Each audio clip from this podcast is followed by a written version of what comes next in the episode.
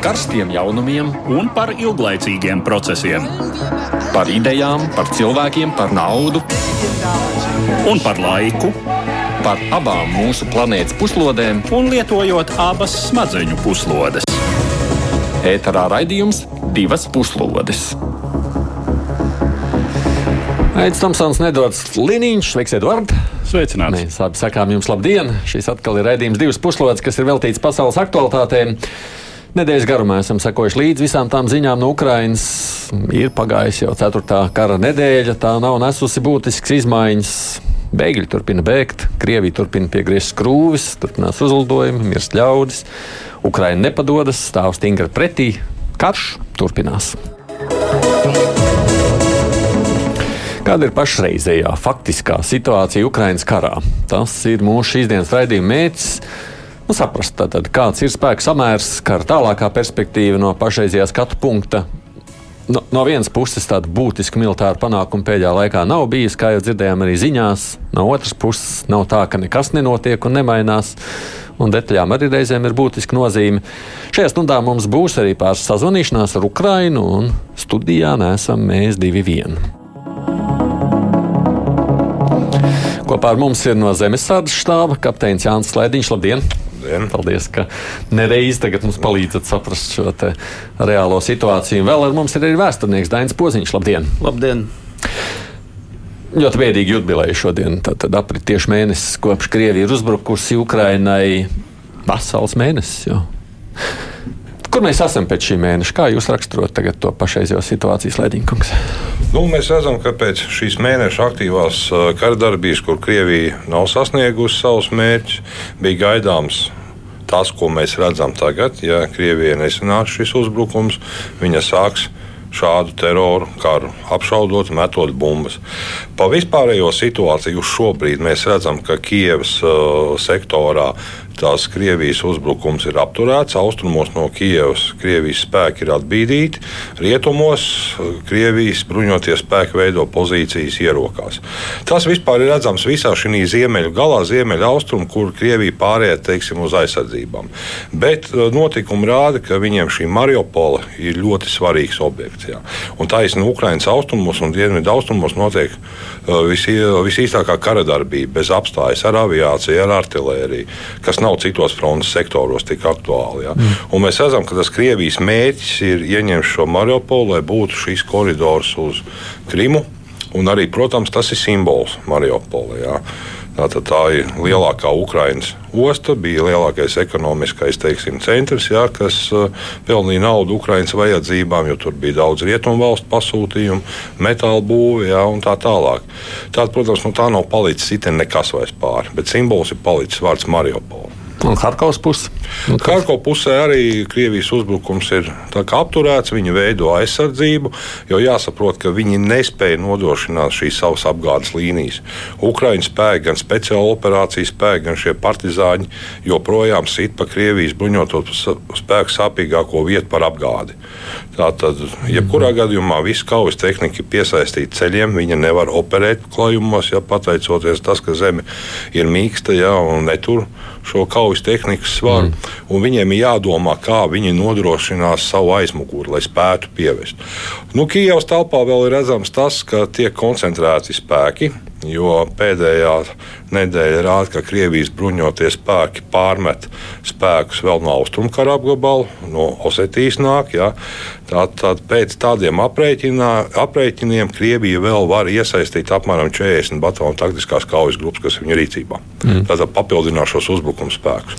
Un jāsaprot arī tas, ja krīt Mariupola, tad Krievijas bruņotiem spēkiem atbrīvojās spēki triecienam citos virzienos. Es uzreiz pateikšu klausītājiem, mēs mazliet arī precīzāk, ja sīkāk parunāsim par katriem no šiem virzieniem. Šobrīd tāds vispārējais skats.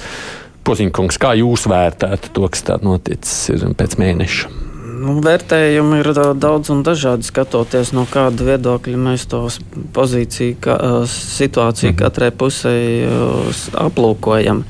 Ja mēs skatāmies no Ukraiņas viedokļa, tad patiesībā ir Ukraiņi pārspējuši Laika ziņā daudz ekspertu gaidīto cīņas laiku, jo faktiski ir pagājis mēnesis, un mēs redzam, ka izslavētā Krievijas armijā, jaunie ieroči, kurus mēs daudzos gadījumos nemaz tā arī neredzam kaujas laukā tik lielā skaitā, kā tas tika reklamēts, turpina sekmīgi pretoties, un faktiski kara darbība pāriet pozīciju kara fāzē. Tā tad uh, taktiski vietējas nozīmes uzbrukumi, un Krievijas armija beidzot sāk koncentrēties tajā kritiski svarīgos virzienos. Un, uh, šobrīd izskatās patiešām, ka Mariupola dienvidu austrumi ir tās galvenās zonas, kurien Krievija koncentrē savu uzmanību, lai ieņemtu Mariupoli. Tagad Edvards minēja, ka vajadzētu nu, jūs aicināt, jūs ļoti labi pārzināt visus tos ieroču lietas. Jūs te teicāt, o, nu, to jauno ieroču, kuriem tā lepojās, nemaz tik ļoti nav pamanām. Kāpēc? Nu, pamatā ar Krieviju un nu, Krievijas vēsturi ir tā, ka uh, Krievija par sevi vienmēr uh, cenšas radīt spožu ārēju iespēju. Mēs visi zinām, kā tas bija gan padomlaikos, kad bija izstādes un speciālas paraugu saimniecības. Un tas ir iespējas, ko mums sarkanā laukumā un televīzijas kanālos pulās parādīt. Otra lieta - realitāte parādās, kā katra tehnika strādā, cik tās reāli daudz tas parādās kaujas laukā. Viņiem nemaz nav. Nu, daudzos gadījumos no tā, kas tika solīts, īstenībā ir gan skaitliski mazāk, gan arī tie brīnuma rezultāti, kādi tika solīti, patiesībā nav. Jo T90, kā izrādās, deg tikpat labi kā T72. Tanki. Tieši tā. Nu, tādā ziņā nu, varbūt viņi vienkārši tur vēl sametušie nav atsūtījuši uz Ukrajinu. Kaut kur stāv pa lielo āmu Krievijas stepēm un ārēm. Jā, nu, ja mēs skatāmies vispār uz Krievijas tanku rezervi, jā, tad, ja nemaldos, viņiem ir konservācija apmēram 35,000 dažādu modifikāciju tanku. Gan T64, gan T72, T80, jā. T90, ne, tas ir modernais tanks, kas būtībā ir pirmais ražojums pēc Padomju Savienības sabrukuma. Mm. Bet te jāskatās tas, tā kaujas tehnika, kas atrodas karadarbībā Ukrainā, tā, tā Krievu pamattanks T72, B3, T80 Viņos visur ir iekšā franču, franču tēmēšanas iekārts. Ko tas nozīmē? Tas nozīmē, ka uh, izskatās, ka Krievija paši nav spējīga ražot šādu ah. veidu augsta līmeņa iekārtas. Jā. Nu, tā tanka rūpnīca esot apstājusies, tas ziņoja šonadēļ. Nu, tieši tā, bet mēs redzam, ka tie rietumi visus šos gadus teiksim, ir darījuši visu, lai Kriev, Krievijas bruņoto spēku kaujas tehnikā būtu šīs. Uh, tēmēšanas iekārtas, tālmēri un tā tālāk. Nakts redzamība. Un, e, pašlaik izskatās, ka visi šie spēki ir mesti, labākās vienības ir mestas frontē. Tomēr ir labākās. Es mestas. domāju, ka jā, ja mēs runājam jā. par tā saucamo Putina gvardi pirmo tanku armiju, tad viņi iekšā ar abām divīzijām. Kantemīrovskas un Tamaņas divīzija, kuras mm. skaitās izcili vienība. Bet, nu, protams, skatoties uz Krievijas, jā, ka, nu, tā ir ļoti spēcīga vienība un tā tālāk. Jā. Nu, vēl jau, protams, ir, es domāju, ka nav mazsvarīga tā lieta, ja tā nauda, tā zakšana, ja, ko mēs redzam, ja, cik ir Krievijas bruņoto spēkos oficiāli, kā saka, cik ir ieguldīts un kas tagad tur ir. Ja. Un, nu, Var cikot, mēs patiešām redzam reālo ainu, visticamāk, Krievijas armijas spēju reālo ainu. Ja? Kara darbība parāda to, cik tā armija reāli ir vērta praksē. Jo viena lieta ir pārbraukt pāri sarkanajam laukumam parādē vai paraugt demonstrējamos manevros Baltkrievijā, kur pļāvēja pārbrauc pāri tanku grupu, visu šauj, visu uzsprāgst priekšnieku laimīgi, bet reālā kara darbība notiek mazliet savādāk un tā aina ir pavisam ne tādi, kā mums to pasniedz Kremļa propagandisti vai ruskie mircienītāji. Jā, skatās, jā, ka Krievi karo bez nekādas improvizācijas. Viņiem nav. Jāņem vērā arī tas, ka Krievijas armijai nav prakses šāda veida milzīga operācija modernai Krievijai, kādu mēs zinām. Nav tik plaša apjoma kara darbībā, viņi nekad iesaistījusies. Jā. Mm. Un tam viņi nav gatavi vienkārši. Jā. Edvards, tavs sajūtas tagad mēneša bēdīgajā jubilejā skatoties uz visu. Nu, manas, arī manas sajūtas, kā tu saki, ir tiešām tādas, ka no Krievijas puses katrā ziņā tas ir tāds vecu laiku karš. Un visas tā, visi šie taktiskie gājieni, nu, tie vairāk izskatās tiešām pēc, nu, tas izskatās ļoti līdzīgi, kā tas bija Čečenijā. Eh, kas ir pēdējais tāds nopietnais militārais konflikts. Mm -hmm. Nu, ja neskaita Grūziju, bet Grūzija neliela valsts ar nelielu armiju, pie tam iekšēju pretrunu plosīta. Tur, kā saka, jā, Krievijai bija, var teikt, diezgan viegla pastaiga. Bet Čečenijā mēs atceramies, tur gāja visādi. Sevišķi pilsētu kaujās un nekāda, nekāda īpašā prasme, teiksim, tādos sarežģītākos apstākļos tur neparādījās. Un pēc visas spriežot, tiešām Krievija, Krievijas militārie um, vadītāji neko īpaši acīm redzot nav mācījušies. Nu, tad uh, arī tas, kas jau tiek, es domāju, ka militārie eksperti var vēl kvalificētāk to komentēt, bet nu, to jau par to jau runā uh, visos mēdījos. Ko nozīmē tas, ka bojā iet salīdzinoši augsta ranga Krievijas militāra personas? Un nav jau svarīgi, vai tie ir trīs ģenerāļi vai, vai tie ir astoņi vai katru dienu, vai, vai, vai nu jau desmit. Nu, Un arī, arī teiksim. jā, ko, viņi, ko viņi tur dara, nu, tas nozīmē, ka vai nu viņi ir eh, tuvāk frontes līnijai nekā normāli ģenerālim vajadzētu būt, vai arī Ukraina ir spējīga trāpīt komandu punktiem. Uh, nu, kas arī ir visai, uh, visai Krievijai negatīvs rādītājs. Ģenerāļiem nevajag būt tādās vietās. Ne, nu te, es domāju, ir pavisam vienkārši atbildi uz šo, ja ņemot vērā, ka redzams, ka pēc šī konflikta uh, Krievijas bruņotiem spēkiem ir problēmas komandu vadībā. Nu, viņiem kaut kas tur nestrādā. Un šī gadījumā es pieļauju, ka tas ģenerālis dodas uz priekšējām līnijām, lai dabūtu to reālo situāciju, kas tur notiek. Viņi nemaz ne, citādi nesaprot, kas Jā, notiek. citādi ne. Viņi, viņi dodas uz priekšu, lai saprastu, kas notiek viņa atbildības sektorā, viņu armijas vai Ah. divīzijas vai pulka vienalga. Jā. Tad viņus tur apšauja. Un tad viņš, protams, ie- tiek izvērsts šie komandu punkti, viņš ierodās un pateicoties teiksim, tai efektīgai Ukraiņu izlūkošanai, var arī sabiedroto dotā informācija, ka tur izvērsts komandu punkts, tiek dots Ukraiņas armijas trieciens vai artilērijas vai dronu, jā, un tā arī rodās šie ģenerāļa zaudējumi, kas būtībā priekš normāls do armijas tā, nedrīkstētu būt. Jā.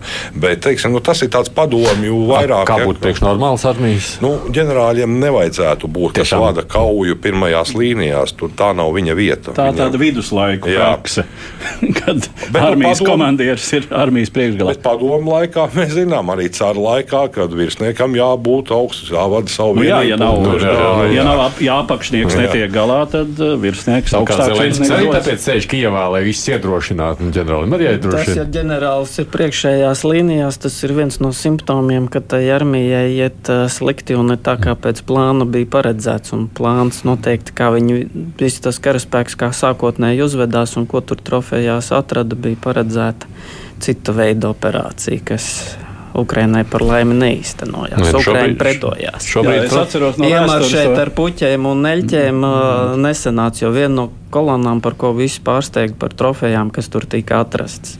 Bija sagrauta. Rosgvardas uh, vienība, un tur Aha. bija vairogi demonstranti, Steki, jā. izdzēsti steki, asargāzes baloniņi un parādas uniformas. Un milzīgi kolonija. Un, milzīgi, un ar šādiem līdzekļiem doties pret regulāru armiju ir stipri naivi vai stipri aplami sākotnējie kara tā teikt, plānotāji pieņēmumi bijuši par pretestību. Nu jā, nu ir skaidrs, ka tas ir domāts, ka mēs būsim tūlīt Un Kijevā. tie- jā. Tas ir tas stāsts par tā saucamo Buģonovku. Jā. otra lieta ir tīri tehniska.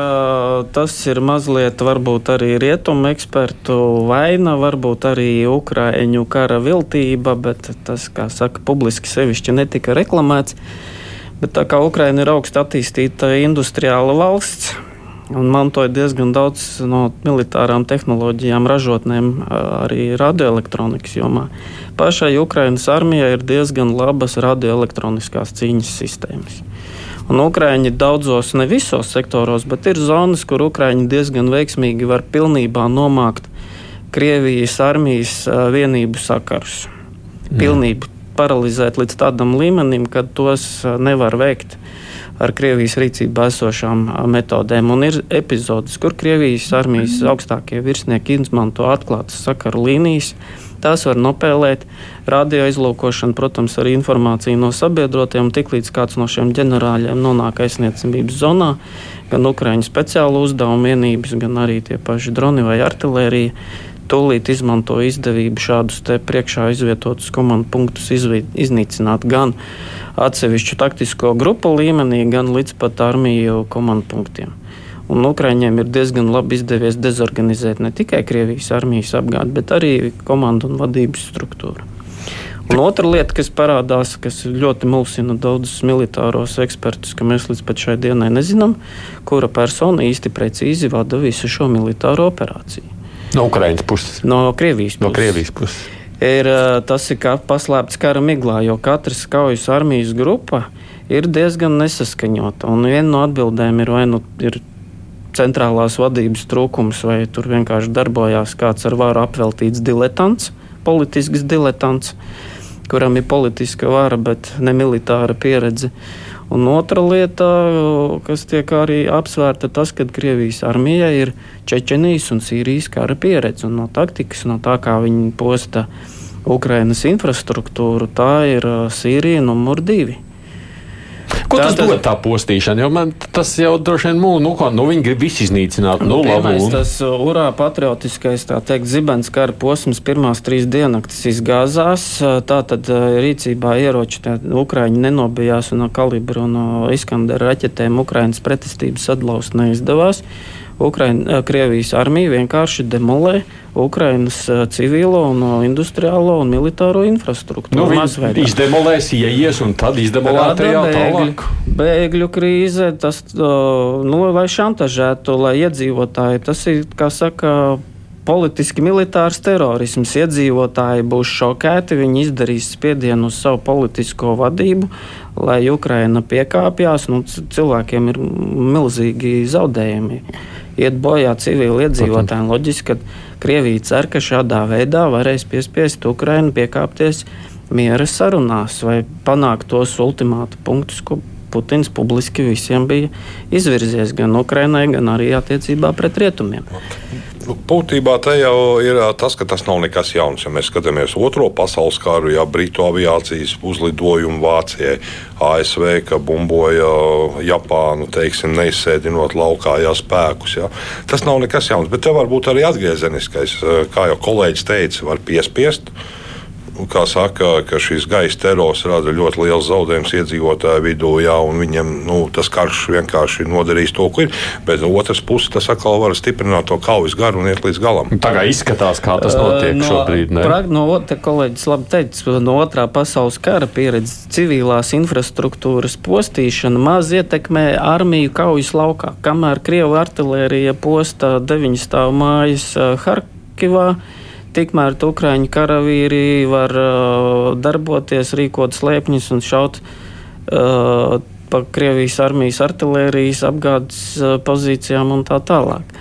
Un tas tiešām rada pretēju efektu. Ja karavīri frontes līnijā zina, ka uh, tie artēristi Krievu posta viņu mājas, iet bojā bērni, tas patiesībā tikai stimulē to atriebības momentu. Ja ir jāņem vērā, no nu ka tā ir krieviski runājošā cilvēku daļa, kurus Putins it kā bija iesolījis atbrīvot. Viņus bombardē, viņus nogalina. Ukraiņi paši saka, eksperti, ka tāds jēdziens kā Krievijas politiskā partija vai tādi, kas tur samierināties ar Kremli tajos rajonos vairāk nebūs. Un nav svarīgi, vai to Ukraina aizliegs vai neaizliegs. Vienkārši tas rada pilnīgi pretēju efektu nekā Krievija cer nu, sasniegt. Var, varbūt tagad viņai vajadzēja pamanīt to un tad saprast, ka tas nu, nedarbojas. Tas ir tik dīvains kopš 2013. gada, kad uh, tie ideologi, kas, nu, faktiski es teikšu tā no savas personīgās pieredzes, kopš 2013. gada beigām es uz Krievijas informācijas telpu skatos tikai, lai paskatītos, kāds tur ir klīniskais stāvoklis psihiatriskās klīnikas pacientiem. Realtātē jau, nu kā, nu, ja, nu, jūs taču secināt, lieta nedarbojas, nu, mainām kaut kādu taktiku. Nē, nu, es saku, kā, viņi, kā jau teicu, viņi nav nekāda improvizācija, viņi izvēlējušies to vienkāršāko ceļu, vienkārši visu bumbot. Bet te jau varam arī vēsturiski skatīties kaut no cara laika, ja, vai bolševiku komunisti vai Putina. Nu, viņiem jau tas cilvēku vērtība nav nekāda, ja, absolūti. Ja. Viņam ir ideja, un idejas vārdā viņš var nogalināt arī savus atbalstītājus, ja, tā tālāk. Ja, un to jau teiksim, pašā Krievijā to jau uztver savādāk. Jā. Tur joprojām ir cīņa pret nacismu un atbrīvošanu. Jā. Un viņam jau svarīgāk domāt, ko tie Krievijā domā, ne jau tie, kas Ukrainā domā. Tur ir pilnīgi skaidrs. Jā. Ukraiņa mērķis vai sadalīt, vai kā viņš to teica, denacificēt, jā, un NATO, jā, bet uh, situācija Krievijā jau pavisam savādāk. Ja mēs paskatāmies to Krievijas telpu, jā, es arī diezgan cenšos viņā iedziļināties. Jā, nu, tur ir pilnīgi nu, pēdējā laikā, kas tur notiek, jā, nu, tas nav izstāstāms. Mm. Bet runājot par to pašu Ukraiņu garu, es saprotu, tas ir stiprs. Tev divas sarunas laikā mēs sāksim ar pirmo droši vien. Jā, ar, ar Sergeju, jā. jā pasaki, kas viņš ir. Jā, Sergejs Loiko ir uh, pasaulē diezgan zināms uh, kara korespondents. Viņš savulaik mm. ir uh, gan bijušajā padomju telpā notikušajos konfliktos bijis klāt gan kara darbībā Irākā pēc 2001. gada un Afganistānā. Un, viņš ir arī rakstnieks, un Latvijas ir izdodas divas viņa grāmatas, mm. Lidosta un Reis, un tās abas ir veltītas Ukrainas notikumiem pēc 2014. gada. Uh, šobrīd viņš ir uh, Ukrainas armijas brīvprātīgais, mm. bet, nu, kā viņš saka, viņš ir kara brīvklausītājs, jo viņam ir jau pietiekami cienījams vecums, nekādus kaujas uzdevumus viņam neliek pildīt, bet viņš regulāri uzturas, tā sacīt, frontes līnijā un šobrīd ieraksta arī tādas mazas intervijas ar tur esošajiem vēl vakar uh, rezervistiem, tātad cilvēkiem no civilās vides. Uh, un nu, iztaujā viņus. Un, kā viņš saka, zīmē šādu Ukrainas, Украиnas портрету. Mm, klausāmies. Ну, я могу сказать, что за 8 лет, которые прошли после начальной агрессии России против Украины, Es varu teikt, ka astoņu gadu laikā, kas pagājuši kopš Krievijas sākotnējās agresijas pret Ukrainu 2014. gadā, Ukraina ir spērusi milzīgu soli uz priekšu armijas izveides ziņā, un varu teikt, ka taktiski Ukraina īsteno modernu, aktīvu, mobilu karu. Bet Krievija karo kā Nikolaja II, kā maršala Žukova, kā ģenerāļa Gračova laikos, aprok ienaidnieku savu līķu kaudzē, laiž pa ceļu nebeidzamas tanku kolonnas, kas pašas sev rada sastrēgumus. Kā Somi cīnījās ar padomju armiju Ziemasskarā? Viņi iznīcināja kolonnas pirmo un pēdējo mašīnu, un tad vienkārši gaidīja, kad tie tur nosals vai arī viņus apšāva. Tāda sala te tagad nav, bet modernās iespējas un mūsdienu ieroči palīdz sašaut šīs kolonnas. Putins šim iebrukumam savāca visu, viņa prāta kaujas spējīgo, kas viņam bija pie rokas, bet arī šis kaujas spējīgais karaspēks ir pilnīgi nemotivēts. Tas jau vairākas nedēļas atrodas naidīgā valstī, kuru pats ir padarījis naidīgu, kur uz viņiem šauj no visām pusēm, kur nevar kārtīgi paēst, nevar izgulēties. Viņi pastāvīgi tukšgaitā dedzina dīzeli savos tankos, kravas mašīnās, bruņu transportieros, degvielas konvoji nepaspēja to pievest. Э, конвои с соляркой, вот эти вот колонны, не успевают приходить, связи у них, связь вообще допотопная. Sakaru nav. Viņiem vispār ir aizvēsturiski sakari. Pirmais, ko viņi izdarīja visā teritorijā, kur veica savu tā saukto spēcoperāciju, bija telefona torņu iznīcināšana. Rezultātā viņiem nav pieejama GLONASS sistēma. Viņi sarunājas pa savām aizvēsturiskajām rācijām. Vispār sakari ir Krievijas armijas galvenā problēma. Kopumā šķiet, ka tur neviens nezina, ko darīt. Taktikas nav, stratēģijas nav. Attiecīgi tagad karaspēks ir atvilkts. Gar visu frontes līniju, kas šeit Ukrainā ir ļoti sarežģīta, galvenokārt notiek artilērijas un raķešu uzbrukumi no abām pusēm. Krievi gaida kaut kādus papildus spēkus, bet tam jau nav no kurienes atnākt. Lādeņi izsīkst, raķetes izsīkst, raķešu rūpnīcas Krievijā jau strādā 24 stundas diennaktī, bet viņi to visu nespēja laikus aizvest līdz frontei. Но все равно они не успевают все это довозить до фронта. Поэтому я могу сказать, что украинская армия, тем более из этой войны, Tāpēc es varu teikt, ka Ukrainas armija, jo sevišķi šī kara rezultātā, kļūs par vienu no vislabāk sagatavotajām armijām Eiropā. Turklāt Ukrainā karo visa tauta, tas ir visi vīriešu kārtas iedzīvotāji. Kas ir pats galvenais, Ukraina līdz šim bija politiski ļoti demokrātiska valsts. Politiskajā spektrā pastāvīgi bija klātesošs viss labējo un kreiso spēku kopums. Vienmēr bija pilnīga vārda brīvība, bija visdažādākie mediji, un bija arī pastāvīgs politiskais kašķis un šķita, ka viss šis politiskais musturis sastāv no tādiem maziem hetmaņiem, kuri katrs pats sev prezidents. Rezultātā Putins visus šos cilvēkus, visus šos spēkus apvienojas ap vienu prezidentu, apvienojas Ukrainu, konsolidējas tā, kā to nav spējusi vēsture. Tāpēc šai ziņā Ukrainas armija ir tik tautiska armija, kādu otru es savā mūžā neesmu redzējis. Поэтому э, в этом смысле украинская армия – это самая народная армия, которую я видел в своей жизни. Nu, tāds patriotisms, optimisms, bet tas patiešām ir tā, ka arī tavuprāt tāds pamatots. Jā. Nu, Sergejs uzturas eh, frontes līnijā. Nu, protams, ka viņš, eh, ka viņš saka to, ko saka šobrīd visi Ukrainas patrioti, arī valdības pārstāvi mazliet droši vien to uh, optimisma latiņu pabīdot uz augšu. Eh, bet eh, nu, viņš katrā ziņā ir pārliecināts, ka tur, eh, tur ir motivācija. Par to laikam nenākas jau šaubīties, jo citādi nebūtu šī mēneša. Mm. Ja nebūtu motivācijas, ja nebūtu gatavības karot. Es gribu mazliet parunāt par konkrētiem virzieniem, signālus un turpinām. Divas puslodes! Dienvids mēs te pieminējām, to Mariupolu arī pieminējām. Bet aplenkumā jau ir cik sen, jau cik jau nedēļas jau, vai ne, vai nav jau? Mariupola nu, praktiski nu, trīs nedēļas. Trīs pilnībā to aplenkumā. Jā. Un joprojām spēja noturēties. Prasīja, tur deva vienu nakti laikam padoties, tie tu te pašā vakarā atbildēja, ka nekādas padošanās nebūs. Nu, bet taču kritīs. Nu, jautājums, cik tas maksās Krievijas bruņotajiem spēkiem un separātistu vienībām, kuras jau tur, man liekas, ir tonām nolikts. Nu, tā rupi rēķinot, jā, ļoti milzīgiem zaudējumiem. Jā. Jāņem vērā, ka Mariupola aizsargā divas izcilas Ukraiņu spēku vienības. Tas ir Nacionālās gvardas, šis Azovs pulks un jūras kājnieki. Tās ir, var teikt, tiešām izcils vienības.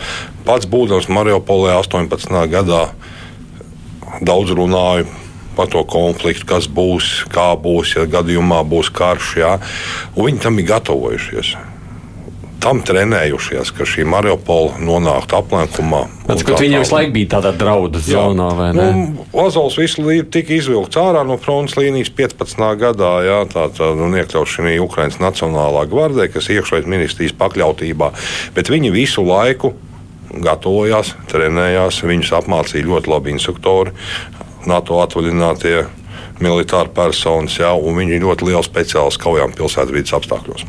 Mm. Un tas tagad parāda, ja, ka šīs vienības vienkārši ieķērušās ar zobiem šī pilsētā un neļauj Krievijas bruņotajiem spēkiem un šiem separātistiem, kuri arī metuši savas labākās vienības. Tātad šie prokrieviskie separātisti. Mm. Viņiem šīs vienības nav daudz, ja, bet trīs, četras nosacītas brigādes viņiem tiešām ir vērtējams kā labi sagatavots, kur ir algotņi iekšā, jā, un tie brīvprātīgās, no, kas no Krievijas nākuši, jā, kas arī labi sagatavots, bet arī viņi netiek jā, nekur. Lai izdarīt visu, jānolīdzina pilsēta ar zemi. Tad... Nu, arī tas nevienmēr līdzēs. Nu, tas nozīmē, ka burtiski pat ja sagrauj šīs mājas, faktiski tas pārvēršas par vēl labāku šķērsli. Ja ir pilsēta gatavota aizsardzībai, ja ir uzkrātas pietiekamas munīcijas un pārtiks krājuma rezerves armijai, tad var pretoties šādā pilsētā ļoti ilgi. Mariupols vājā vieta un tas psiholoģiski smagākais punkts, kas arī faktiski varbūt mazliet traucē tiem aizstāvjiem darboties, ir civili iedzīvotāji, kuri ir palikuši šajā pilsētā. Un Krievija to ļoti labi saprot, tāpēc arī tāpēc viņi sa ārā, ja? sabotē tos mm. evakuācijas koridorus, izvest tos cilvēkus no Mariupoles. Tāpēc faktiski šī pilsēta ies jau nu, pilnīgi noteikti karu vēsturē, kur vairāk šādas pilsētas ir bijušas, kas ir atzīmētas vēstures grāmatās, tad Mariupola būs viena no šādām vietām jau tagad. Šis ir pietiekami ilgs laiks jau. Nu, ja iepriekš uh, Ukraiņas bruņotajiem spēkiem un tautai bija tāda Donetskas lidosta, jā, šis simbols uh, pretestībai Krievijas, jā, tad arī Mariupola noteikti pārsitīs šo Donetskas lidostu viennozīmīgi. Bet kas ir uh, vēl liecina, ka Krievijas bruņotajiem spēkiem nu, viņi darī, dara visu. Ja, ja mēs skatāmies uz uh, Melnās flotes jūras kainiekiem, Krievijas bruņoto spēku, kas bija domāti izsēdināt desantu Odesas virzienā, tad tagad viņi metuši viņus uz Mariupolu. Jā. Odessa šobrīd ir nolikta malā. Nu, Odessa nav tik vienkārši. Tā ir vienīgā pilsēta, kurai ir krasta aizsardzība reāli. Tur, Ko nozīmē krasta aizsardzība? Tātad, tur ir raķetes pretkuģi izvietotas, jā, kuras vēl Ukraiņi, man liekas, tā īsti vēl nav pielietojuši. Jā. Piekraste mīnēta, nostiprināta. Krievijas aviācija tur mēģināja bumbot šo krastmalu, tā, tā tādā veidā mēģinot atmīnēt. Ja? Bet, cik es zinu, nu, panākums viņi nav ar to gūši, ka viņi bumboja to piekrasti. Ja? Un loģiski, viņiem vēl tuvoties ar kuģiem. Ja, ja Ukraiņš šīs raķetes palaidīs, Un viņi, protams, ir provocē šo Ukrāņu krasta aizsardzību uz atbildības uguni, lai viņi spētu noteikt, kur ir tie Ukraiņas armijas eh, krasta aizsardzības ugunspunkti. Bet Ukrāņi neatbildami pagaidām. Ja. Viņi pielietoja tur reaktīvās artērijas sistēmas vairākos gadījumos, ja, bet īsti pretkuģi raķetes viņi vēl nav pielietojuši. Mm. Nu, viņi faktiski to slēpj kritiskam gadījumam. Un otrkārt, pie Odesas ir diezgan laba pretgaisa aizsardzība. Tur Krievijas aviācija ir zaudējusi pietiekami daudz lidmašīnu, lai tas uzbrukums tur viņiem būtu nepatīkams arī no gaisa atbalsta sniegšanas viedokļa. Tas nozīmē, ka arī Odesa gatavojusies šādu uzbrukumu. Protams. Jo tas ir tomēr tāds liels atslēgas punkts, kur tālāk ir virziens Kijavas vidienē, arī Moldovas pusē. Jā, tas ir ļoti no, nu, strateģiski. Kritiski svarīga, lai nepieļautu Krievijas apvienošanu ar Piedņestras apgabalu un izēju uz Moldovu. Tas būtu potenciāli nākamais mērķis, kuram Krievija gāstos virsū. Nu, tas ir Moldovas interesēs arī, lai Odessa nekristu. Protams, viennozīmīgi, jā, jo viņi ir tieši apdraudējumā. Bet pagaidām izskatās, ka šobrīd Odesā nekas nenot, nu, būtisks nenotiek. Jā, nu, te būtīgi jāsaprot, vai uh, Krievijas bruņotajiem spēkiem izdosies caur Nikolāju izrauties un aplenkt teiksim, visu to Doņetskas apgabalu. Jā. Tas ir pašlaik ļoti kritisks svarīgs punkts, ko viņš laik mēģina darīt jā, caur šo. Tā uh, Nikolāja arī stāv un Nikolāja stāv un Hersona, kā mēs redzam, kur Krievijas bruņotie spēki, tas lidlauks, kur viņi jau septiņas reizes pats apuri dabūjuši no Ukrainas artilērijas. Ja. Viņi visu laiku mēģina tajā lidlaukā izveidot bāzi, nodrošināt kaut kādu komunikācijas apgādes līnijas. Ja. Bet atkal, ja septiņas reizes jau Ukraiņu trieciens ir bijis pa turieni, bet viņi neapstājās. Ja. Runa ir par Černobāju. Jā, par Černobāju. Nu, jau deviņas reizes. Nu, jau deviņas, jā. Nu, tā, jā, tas liecina, nu, vēl kas, teiksim, negatīvāk Mariupoles aizstāvjiem ir tas, ka uh, Ukraiņas austrumos Ukraiņa nespēja gaisa telpu nosegt. Ja pie Kijavas teiksim, ir samazinājušies Krievijas aviācijas lidojumi, jā. Jā, tad tur var apgalvot, ka gan īsti droši Ukraiņai šī pretgaisa aizsardzība. Tur notiek kaut kādas lidmašīnas, raķetes, kas krīt uz dīvainām mājām reizēm virsū. Jā, jā. es domāju, viņi saņēmuši kādu pretgaisa aizsardzību no rietumiem, okay. bet Ukraiņas austrumos tātad Krievijas aviācija var pilnībā kontrolēt šo gaisa telpu. Un tas arī liedz Ukraiņai, lai viņi varētu uzvarēt, viņiem vajadzīgs tāds efektīvs pretuzbrukums. Neviens karš nav vinnēts bez pretuzbrukumiem, efektīviem. Ja? Bet Ukraiņas austrumos, Mariupoles telpā, viņi nevarēs veikt šo uzbrukumu, kamēr Krievija pārvalda gaisa telpu. Un zaudēt vienkārši uzbrukumu izgāzt, tas būs ļoti psiholoģiski smagi Ukraiņas tautai un bruņotiem spēkiem. Pabeidzot tikai šo Mariupoles stāstu, nu, nu, tie visspēcīgākie spēki tad ir nolemti iznīcībai vai ne? Nu, mēs pieminējām mazo šos pārdekainiekus. Nu, tās ir tikai divas vienības, plus vēl uh, Ukraiņas robežsarga. Ukraiņas armija patiesībā ir daudz lielāka nekā vidusmēra cilvēki pie mums Latvijā spēja iedomāties. Jo neaizmirstiet to, ka Ukraina ir ļoti liela valsts. Ir tāds labs uh, darbs sagatavots, kur Ukraiņas teritorija mērogā ir uzlikta uz Eiropas karti un paskatieties, cik niecīgs izskatās vidusmēra Eiropas valsts salīdzinot ar Ukrajinu. Tā kā Ukrāņu pretestības spējas faktiski sākumā, kā eksperti gaidīja, pat tajā gadījumā, ja kristu Mariupola, Harkovu vai pat Kijeva, Ukraina vienalga turpinātu pretestību. Tāda opcija, ka šīs trīs pilsētas varētu krist, kara pirmajās dienās jau tika pieļauta, patiesībā neviens no nu, tāds politiskā līmenī rietumu eksperti vai politiķi negaidīja, kad Ukraiņas galvaspilsēta noturēsies, jo Zelenskijam piedāvāja evakuēties un visi tur šausminājās, kas nu būs, kas nu būs. Bet es jau teiksim, 14. un 15. gadā intervijās teicu, neaizmirstiet, ka Ukraina ir liela valsts ar savu militāro rūpniecību, ar saviem inženieriem. Un Krievija iedeva tādu konsolidējošu grūdienu ar šo Krimas aneksiju un šo karu, ka patiesībā, pateicoties Krievijai, Ukraina kļuva par pašpietiekamu un tādu politiski motivētu nāciju, kas ir gatava cīnīties. Bet es saprotu arī, ka rietumi piegādā tur joprojām kaut kādu nu, piegādā, Tas ir atsevišķs jautājums, par kuru varētu diskutēt.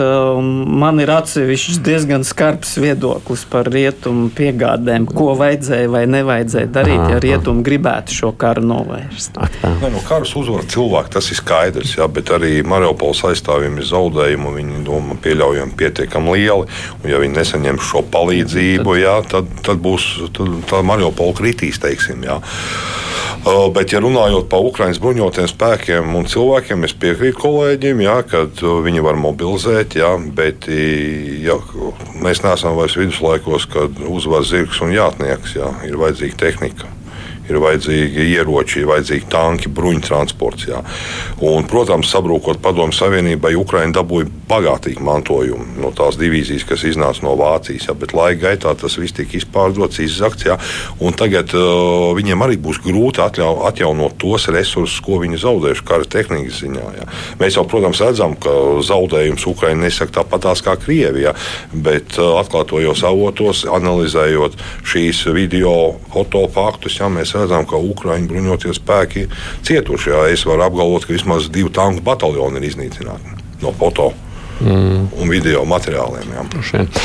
Uz Kijavas puses tā jāskatās, vai tev kaut ko vēl grib par dienvidiem sacīt, vai Mariupolu, vai virz, virzāmies Kijavā tālāk? Nē, nu, man īsti nav ko piebilst. Bet par Kijavu es saprotu, arī runājies un sarunājies Jā. Kijavā. Es redzam, mierīgāk aina pēdējās dienās. Jā, nu, Kijavā pašā pilsētā aina tiešām ir salīdzinoši mierīga. Par to man pastāstīja jau mūsu regulārs, mūsu raidījuma regulārs eh, sarunbiedrs, Ukrāņu politologs Dmitro Ļevus, kurš joprojām kopš kara sākuma uzturas Kievā, vienā no priekšpilsētām Dņepras eh, upes austrumu krastā. Mm -hmm, klausāmies. Я нахожусь на левом берегу в Дарницком районе. Es atrodos Dņepras kreisajā krastā, Dārņicas rajonā. Mums te ir diezgan mierīgi. Kauju troksnis gandrīz nav dzirdams. Šodien bija dzirdama artērijas apšaude.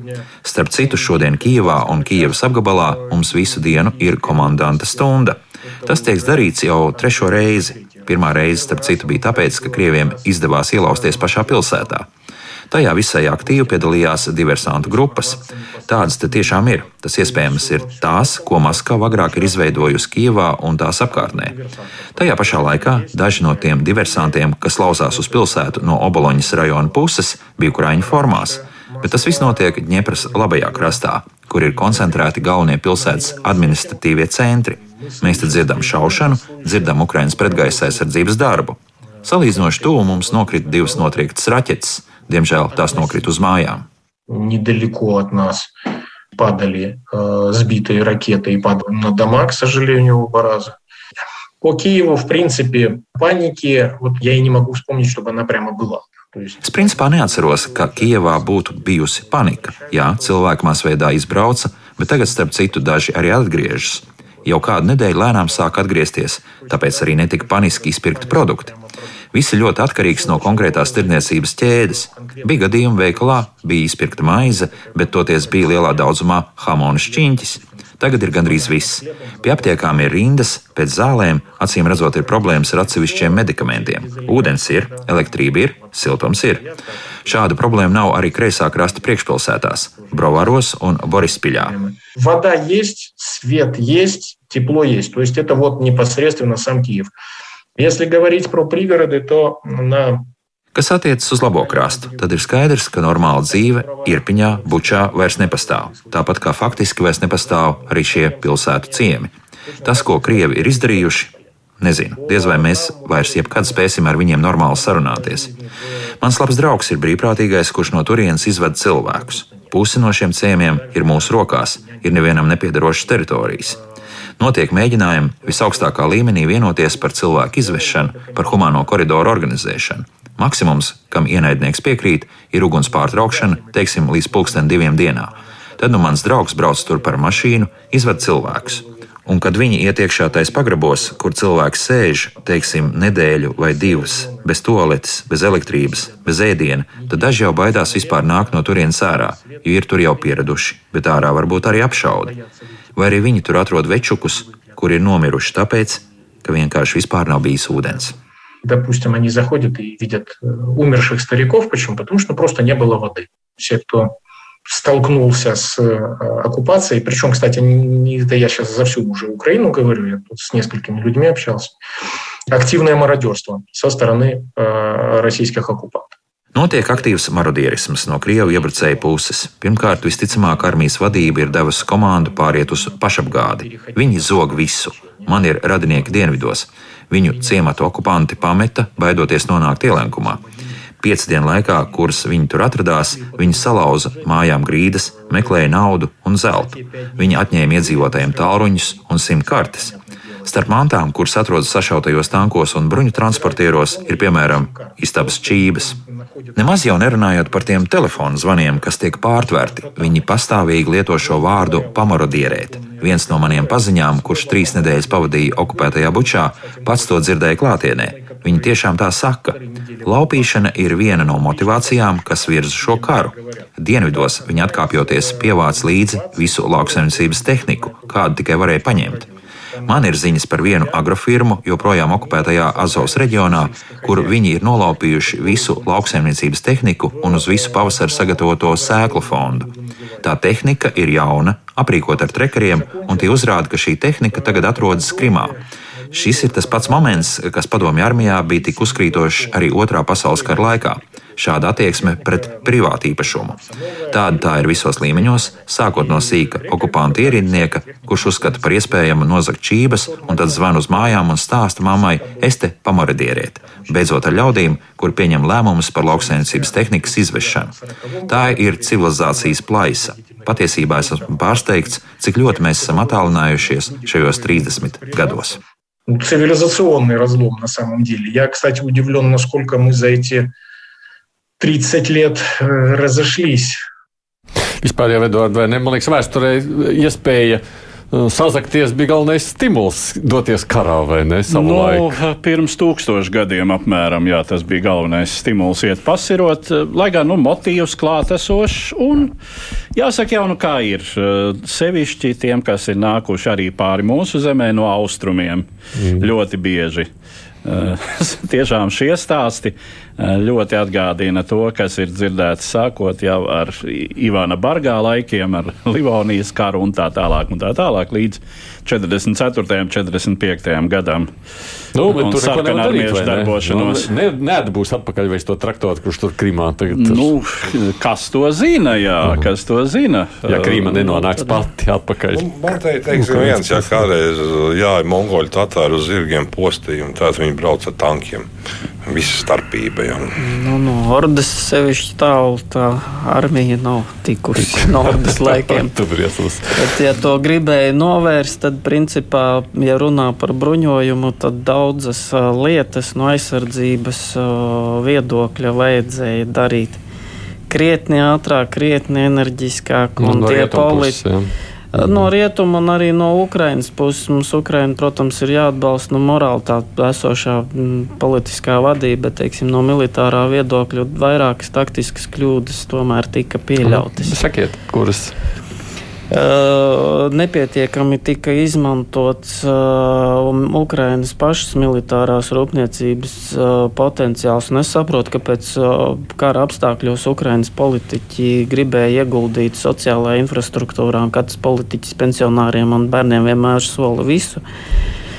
Un, diemžēl daudzas militārās opcijas, kas bija pašā Ukrainas Ukrainas rūpniecībā iestrādāts līdz galam netika realizēts mm. tīri finansu resursu trūkuma dēļ, un arī rietumu, rietumu sabiedrotie uh, neieguldīja šajās te Ukrainas militārajās rūpnīcās, šajās programmās savus resursus, tas bija diezgan uzskatāmi redzams, ka franču, vācu kompānijas arī liela daļa no amerikāņu uzņēmumiem izvairījās investēt Ukrainas militārajā industrijā. Tāda reāla, praktiski militārā sadarbība Ukrainai veidojās ar Turciju. Tas ir ne tikai Bairaktaru dronu pirkšana, bet ir praktiski daudzas lietas, sakariekārtas, kaujas mašīnu moduļus, apbruņojumu.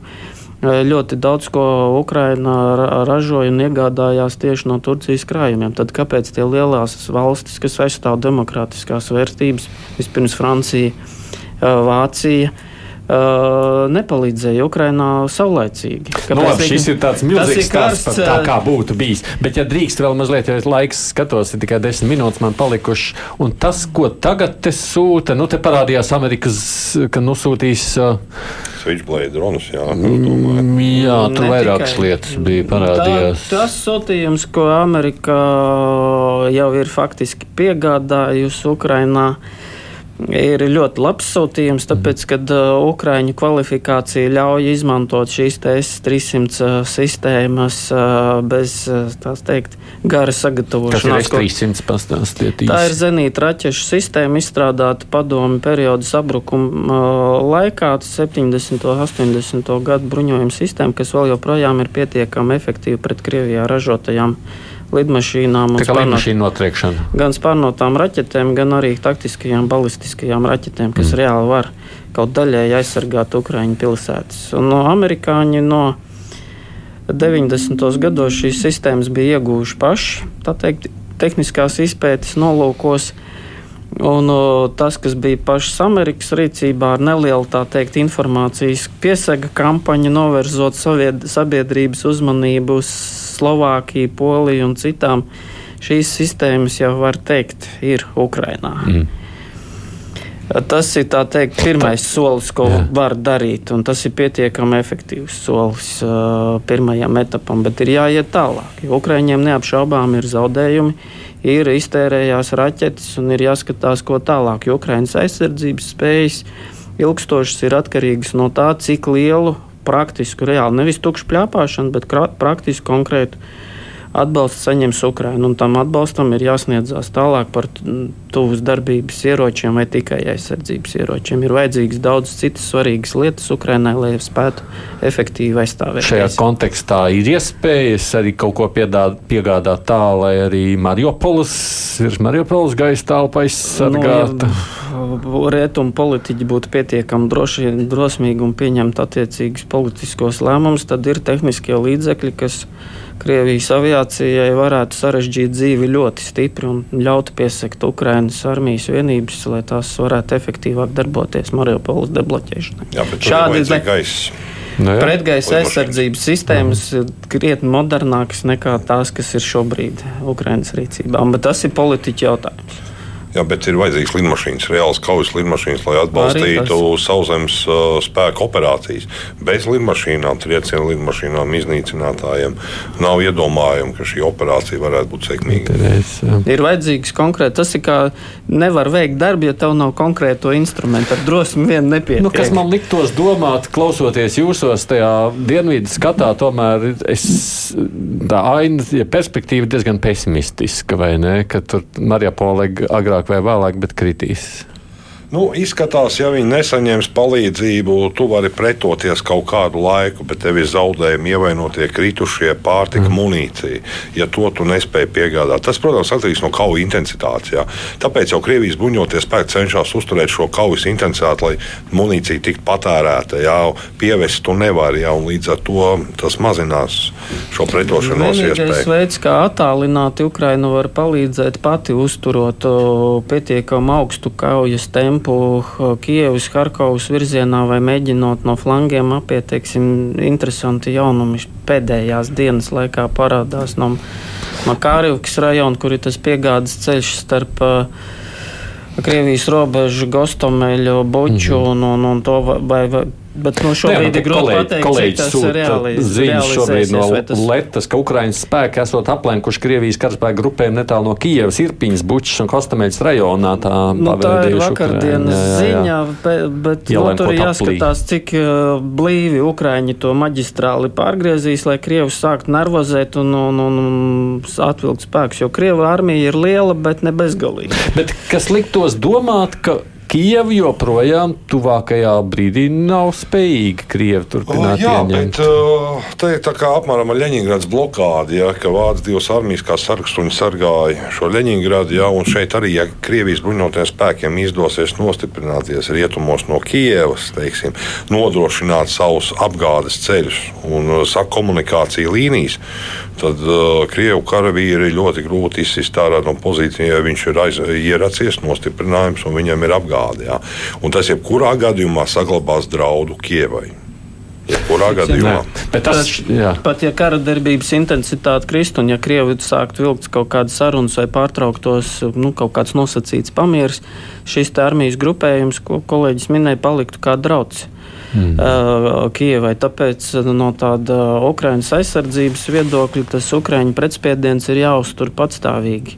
Mm. Un vien to var izdarīt tikai tad, ja Ukraina saņem reālu, konkrētu militāro palīdzību, ne tikai ar javelinu raķetēm. Tur ir vajadzīgi nopietnāki cīņas. Redzēs, šajā kontekstā nepieminu, tas skatos vairāk uz Eduardu. Tā būtu viena atsevišķa saruna, bet jautājums jau, cik ilgi vispār Krievi var nu, tā sēdēt ierakumos un uzturēt draudus. Tomēr jau taču ekonomiski viņi spiež, vai ne visi šie notikumi no rietumu nu, puses. Ja ir runa par sēdēšanu ierakumos un kara vilkšanu garumā, tad Krievijai resursi ir diezgan lieli. Uh, pirmkārt, tas ir uh, tā sacīt politiskais resurss. Mm -hmm.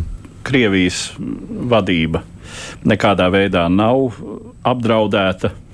Katrā ziņā valsts iekšienē. Nu, nu, tas arī tāds jautājums ir. Kara darbība, kara darbības intensitātei atslābstot arī tā sacīt cinka zārciņu plūsma mazināsies. mazināsies tas ir faktiski vienīgais, par ko šobrīd tā tuvā perspektīvā var iedomāties, nu, kas varētu uh, mazināt uh, Krievijas vadības vēlmi karot. Uh, nu, un, jā, ekonomiskās sankcijas, bet tas jau pastāvīgi tiek uzsvērts, ka tas ir salīdzinoši ilglaicīgāks process.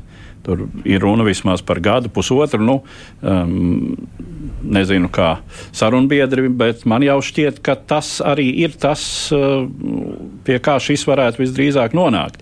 Ka Krievija nostiprināsies jau ieņemtajās teritorijās, no turienes uh, šo Krievijas armiju būs ļoti grūti izkustināt.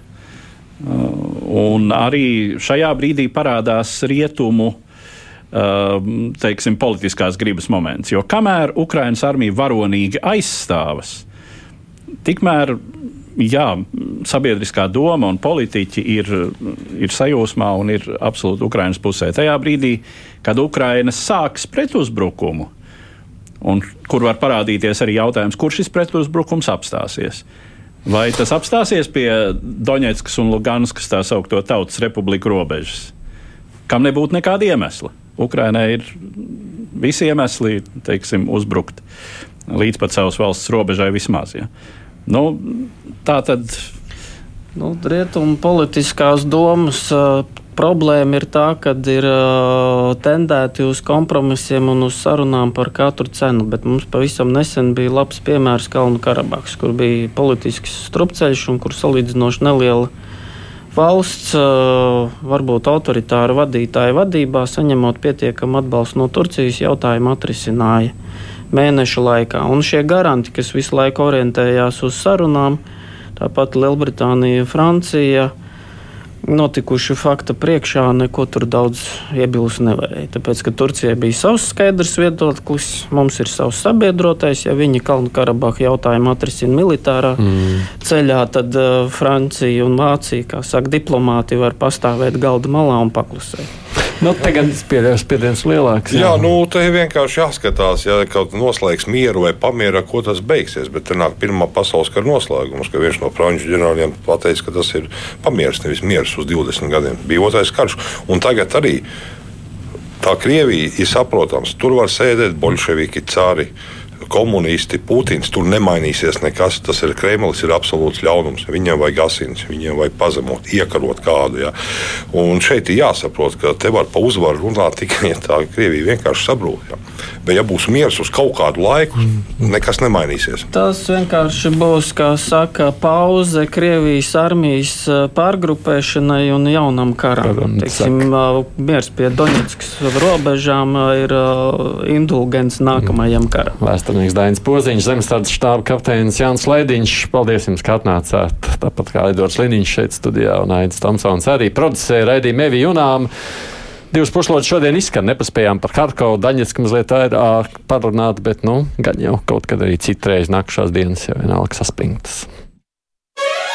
Divas puslodes!